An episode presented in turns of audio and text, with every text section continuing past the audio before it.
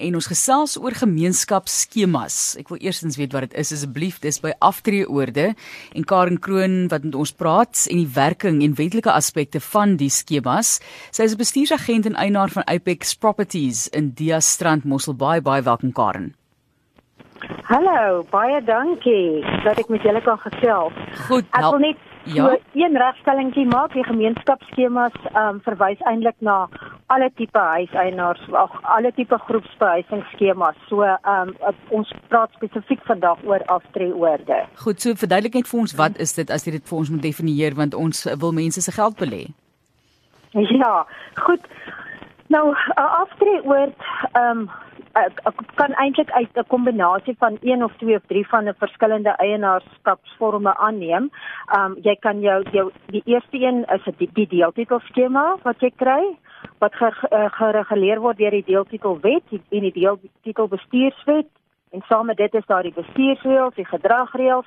Elke eienaar het sy eie eiendom en hy het ook 'n onverdeelde aandeel in die gemeenskaplike eiendom. Dit wil sê dis nou soos die swembad en die klaphuis en so aan.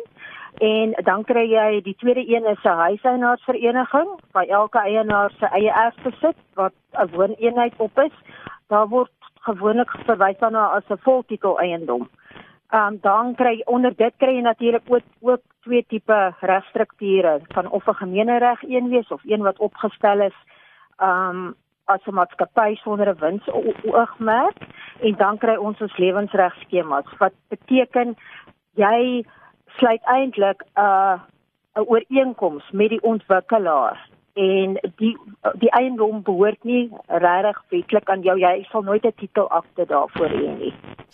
Baie mense kom by 'n punt uit waar hulle nou 'n groot keuse in hulle lewens maak. Hulle wil gaan jy sê ons praat oor aftreeoorde, hulle wil gaan aftree, maar hmm. dit kom eintlik as 'n traumatiese gebeurtenis in hulle lewens as gevolg van die feit dat dit so lank uitgestel, geïgnoreer en eenkant geparkeer word en dan skielik is die dag daar wat jy gedwing word om daai besluit te neem.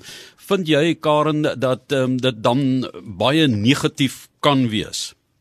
Dit is dit is dit is vir hulle baie traumaties. Ehm um, want teen die tyd wat hulle besef daai huis is te groot en die onderhoudskoste is te is te hoog, dan is dit partykeer te laat. En dan die ander belangrike advies wat ek wat niks met die regsaspekte te doen het, wat ek wil gee, is dat eienaars moet of, of ja, luisteraars moet asseblief net nie verhuis om naby jou kinders of jou kleinkinders te wees nie, want ek het al telke male gesien hoe ouers alles verkoop Hulle verhuis na 'n nuwe dorp waar die kinders en die kleinkinders bly en hulle koop 'n skema en dan besluit die kinders ewe skielik nie ons immigreer en dan bly die arme ouers agter in 'n vreemde plek. Hulle het geen familie nie en hulle het geen vriende nie. En ek dink dit is dit is baie dramaties. Kom ons kom terug na die regstrukture. Ehm um, is daar maar goed waar waarteen jy ons kan waarsku of wat jy vir ons wil sê wat belangrik is om in ag te neem uh, vir voornemende eienaars die verskillende regstrukture wat bestaan?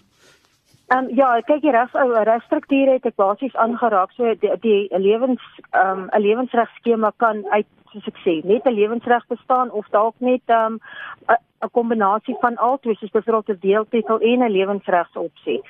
Um maar soos laat ons vinnig praat oor die slaggate. Um maak asseblief seker wat by die maandelikse heffing ingesluit is, want dit maak nie saak of jy 'n deeltitel skema huiseienaarsvereniging of 'n lewensreg of 'n kombinasie koop nie, jy gaan verantwoordelik wees nog steeds vir maandelikse heffings.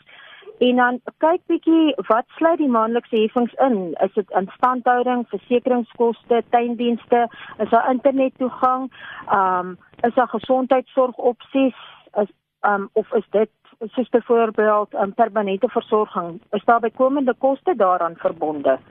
Dan kyk ook hoe baie duidelik hoe word die heffings jaarliks verhoog?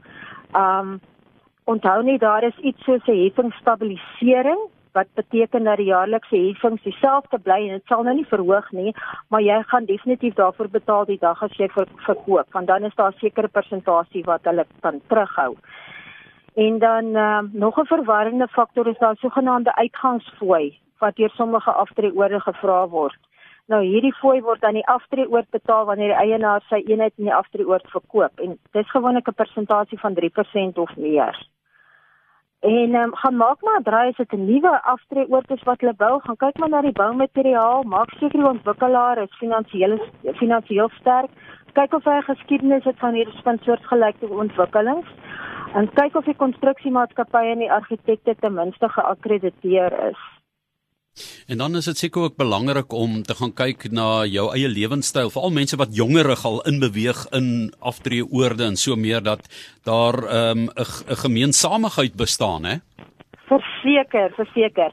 Ja, ehm um, kyk dan ja, of daar voorsiening gemaak is vir jou tipe onafhanklike leefstyl en soos jy presies soos jy gesê het as jy nog 'n jong senior burger is. En onthou 'n afgetrede persoon word gedefinieer as 50 jaar as jy kyk na die na die wet op afgetrede persone van 1988. Ehm um, want uh, is en kyk ook of daar byvoorbeeld genoeg geleenthede is vir sosiale sosiale interaksie met ander inwoners. En is jou kinders en jou gaste welkom om daar te kom kuier?